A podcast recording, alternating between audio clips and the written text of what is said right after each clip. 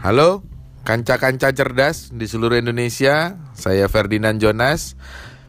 Eh, Kanca-kanca juga bisa panggil saya FJ.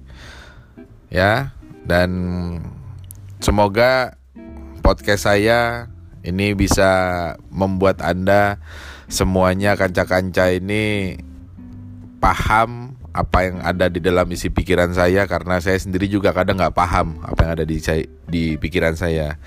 Tapi saya rasa kanca-kanca yang cerdas ini bisa juga menyukai apa yang ada di dalam isi pikiran saya. Kalau kanca-kanca nggak suka, ya dibikin suka lah supaya saya seneng ya. Jadi di episode pertama ini saya coba untuk ngobrol menyampaikan apa yang ada dalam pikiran saya tentang waktu dan uang gitu. Jadi sebenarnya pertanyaan ini atau pembahasan ini muncul dari pertanyaan teman saya. Pernah dia ngomong sama saya, dia ngomongnya begini. Bro, menurut kamu mana yang lebih penting, waktu atau uang? Gitu. Waktu itu saya jawab, oh ya waktu bro, saya bilang. Dia bilang kenapa? Dia tanya balik kenapa? Ya karena kalau uang itu kalau hilang bisa dicari, tapi kalau waktu lewat satu detik aja udah nggak bisa kembali. Jadi waktu itu lebih penting daripada uang. Saya ngomong gitu tuh kanca-kanca. Dan teman saya langsung tanya, waduh, kalau boleh tahu kamu udah kerja mulai berapa lama bro kalau gitu? Saya hitung teman-teman, saya hitung uh, setelah saya hitung sudah 21 tahun saya bekerja. Dan teman saya tanya balik, wow, kayaknya waktu yang lama. Berarti selama 21 tahun kamu ini nukarkan waktumu sama uang loh bro, dia bilang. Katanya tadi waktu lebih penting. Kenapa kok 21 tahun kamu ini kerja untuk mendapatkan uang, melakukan sesuatu? Kamu kan nukarkan waktumu sama uang. Di situ, di situ saya diem, saya kaget. Oh iya bener juga nih ya teman gue. Dan saya diem, teman saya lanjutkan pertanyaannya ngomongannya dia bilang ini bukan itu sih sebenarnya.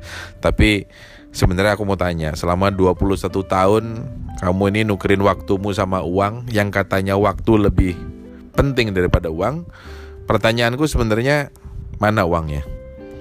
Nah di situ saya ketampar kanca-kanca saya nggak bisa jawab dan di situ saya mulai mikir banyak orang dengan bijaknya ngomong kalau ditanya mana yang lebih penting waktu atau uang.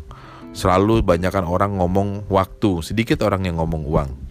Tapi waktu ditanya berapa lama kerja dan ternyata waktu yang dipakai untuk bekerja itu jauh lebih panjang, jauh lebih lama dan tidak sesuai, nggak sesuai sama apa yang diomongin, yang yang dijawab tadi bahwa waktu lebih penting kayak saya. 21 tahun saya tukerin waktu saya sama uang. Nah, di situ saya mikir ada yang salah ini dengan dengan dengan hidup saya. Dan saya mulai mencari gimana caranya supaya waktu saya nggak terbuang lagi dan saya juga bisa mendapatkan uang yang saya dapatkan apa uang yang saya inginkan. Nah kanca-kanca. Jadi saya mulai mikir juga ya. Saya mulai waduh saya sering ngomong nih Time is money, waktu adalah uang. Karena waktu lebih penting dari uang, ada juga time is money, waktu lebih penting dari uang. Berarti kesimpulannya kalau orang ditanya, "Bro, ayo ke sini." Waduh, aku nggak punya waktu. Wah, itu berarti gampang dia nggak punya uang. Karena time is money, waktu adalah uang. Kalau nggak punya waktu berarti nggak punya uang. Gitu. Tapi sebenarnya pembahasan podcast yang pertama sih antara waktu sama uang itu apa sih poinnya? Begini.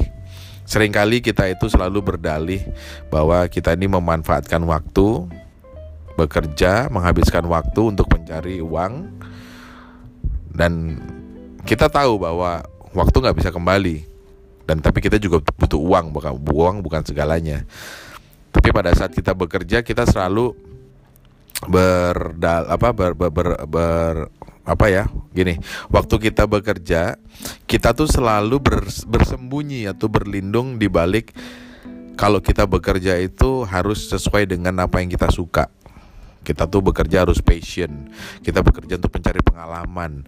Kita bekerja di bekerja itu mendapatkan pengetahuan. Buat saya teman-teman itu omong kosong sih ya karena kalau anda benar-benar kalau kanca-kanca ini benar-benar memahami waktu adalah waktu adalah uang dan lebih penting waktu daripada uang seharusnya kita itu bukan bekerja secara aktif aja tapi bekerja secara efektif karena banyak orang itu bekerja dengan idealisme dan mereka itu bekerja itu sesuai dengan apa yang mereka suka bukan apa yang sesuai mereka apa yang mereka butuhkan Contohnya, saya ini suka misalnya saya suka desain. Jadi, kalau saya suka desain, saya belajar desain dan saya akan hidup dari desain. Saya akan uh, apa mengerjakan desain apa yang saya ketahuin, apa yang saya sukain, yaitu desain. Dan saya nggak akan melirik bisnis lain atau kerjaan lain. Menurut saya itu konyol ya, karena sebenarnya ya ada orang sukses dari desain ada. Tapi ada juga orang yang ba lebih banyak orang yang nggak sukses juga dari desain. Jadi menurut saya konyol. Jadi kalau menurut saya gini kalau kita mau bekerja sebagai desainer ini contoh ya desainer ya saya nggak ngomong yang lain jadi kalau misalnya oke okay, sebagai desain ya nggak apa-apa nggak apa-apa itu kerjaan bagus tapi pertanyaannya adalah apakah yang kanca-kanca kerjakan itu apa yang kita kerjakan itu sesuai dengan apa yang kita inginkan di masa depan.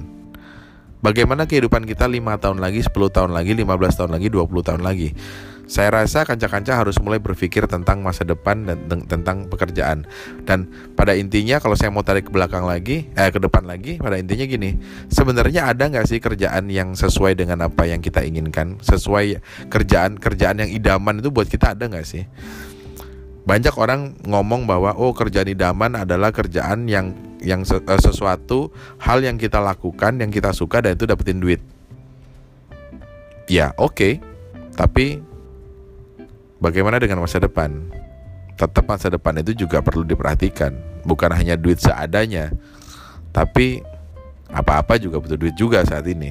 Saya nggak nggak ngomong bahwa saya ini maniak dengan uang enggak saya ngomong uang itu penting ya duit itu penting tapi bukan yang terpenting saya setuju tapi masalahnya masa depan itu juga butuh duit gitu kita nggak bisa nah tentang waktu dan uang saya kembali lagi tentang waktu dan duit balik lagi apa maksud saya kanca-kanca gini banyak orang bekerja yang katanya suka passion tapi uangnya dikit tetap tetap mereka lakukan karena idealismenya terlalu tinggi.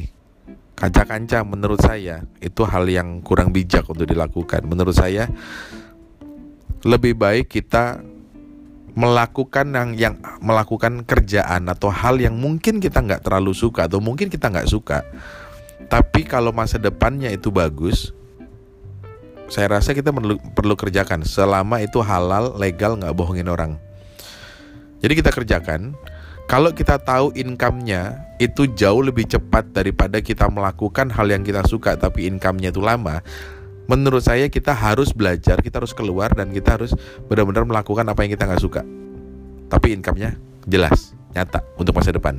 Setelah itu jelas, silahkan kanca-kanca mau lakukan pekerjaan atau bisnis yang kanca-kanca suka, tapi bukan sebagai untuk cari duit lagi, tapi sebagai hobi untuk melayani penyaluran apa yang kita suka kalau jadi udah nggak mikir duit lagi itu menurut saya nah menarik banget ada beberapa orang yang datang ke saya dan mereka bilang tapi saya kalau misalnya kerja saya cari pengalaman.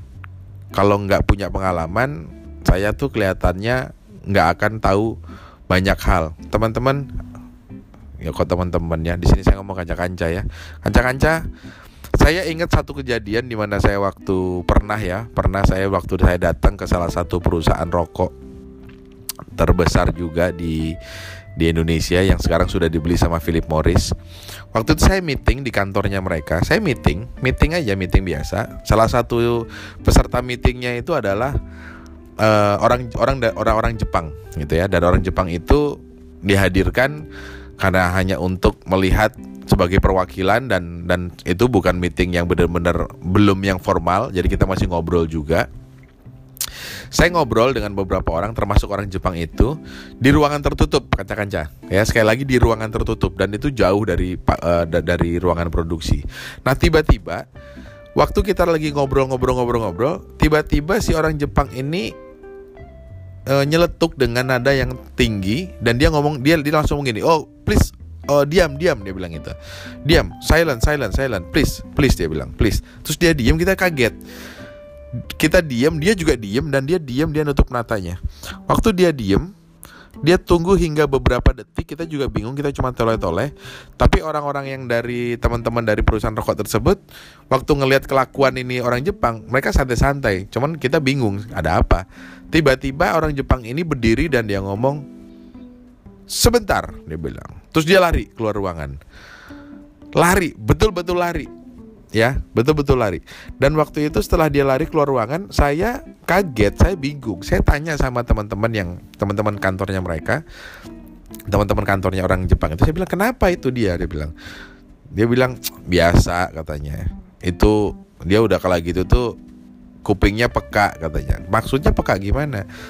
Itu kupingnya peka, dia uh, itu ada mesin yang mesin ada ada mesin yang trouble itu itu orang Jepang itu kupingnya tajam. Itu ada baut yang lepas satu aja dia tahu mesinnya suaranya berubah. Teman-teman di situ saya kaget.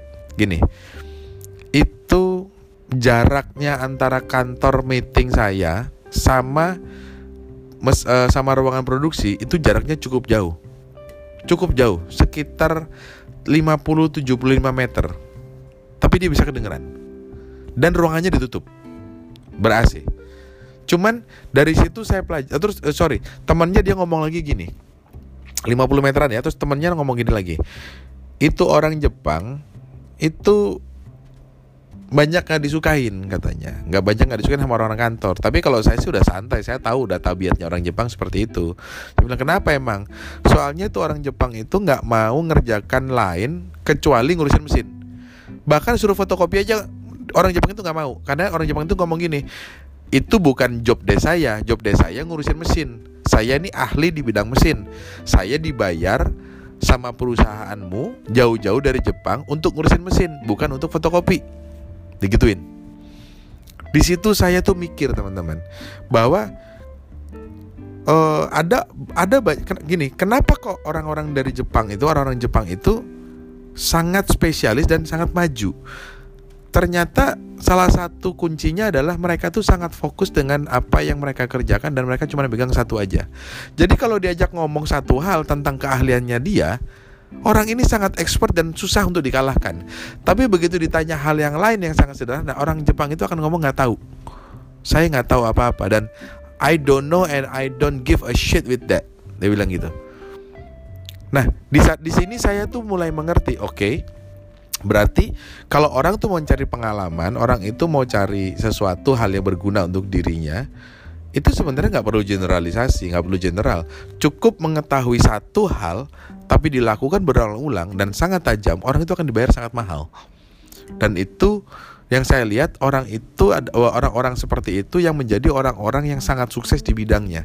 Let's say Tiger Woods, let's say Oprah Winfrey, ya kita tahu bahwa orang mereka itu adalah orang-orang yang nggak mengerti tentang dunia lain, tapi mereka sangat memahami dunianya. Makanya mereka jadi legend di situ, legenda di bidangnya masing-masing. Bruce Lee salah satu idola saya dia pernah ngomong bahwa saya nggak takut sama satu orang yang bisa menguasai 10.000 jurus. Tapi saya jauh lebih takut sama satu orang yang menguasai satu jurus tapi dia lakukan berkali-kali 10.000 kali. Di situ saya paham bahwa sebenarnya pengalaman itu dibilang penting yang enggak dibilang enggak juga penting. Tergantung di mana anda mau menempatkan dan bagaimana anda mau mau, mau jadi apa. Kanca-kanca sangat banyak pikiran-pikiran seperti ini di dalam pikiran saya. Mungkin ini yang pertama aja tapi next time kita akan ngobrol-ngobrol lagi.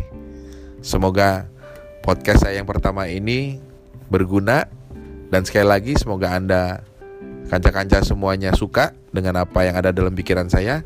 Dan kalau nggak suka ya please lah dibikin, dibikin suka. Oke okay? and once again my name is Ferdinand Jonas but you can call me FJ bye bye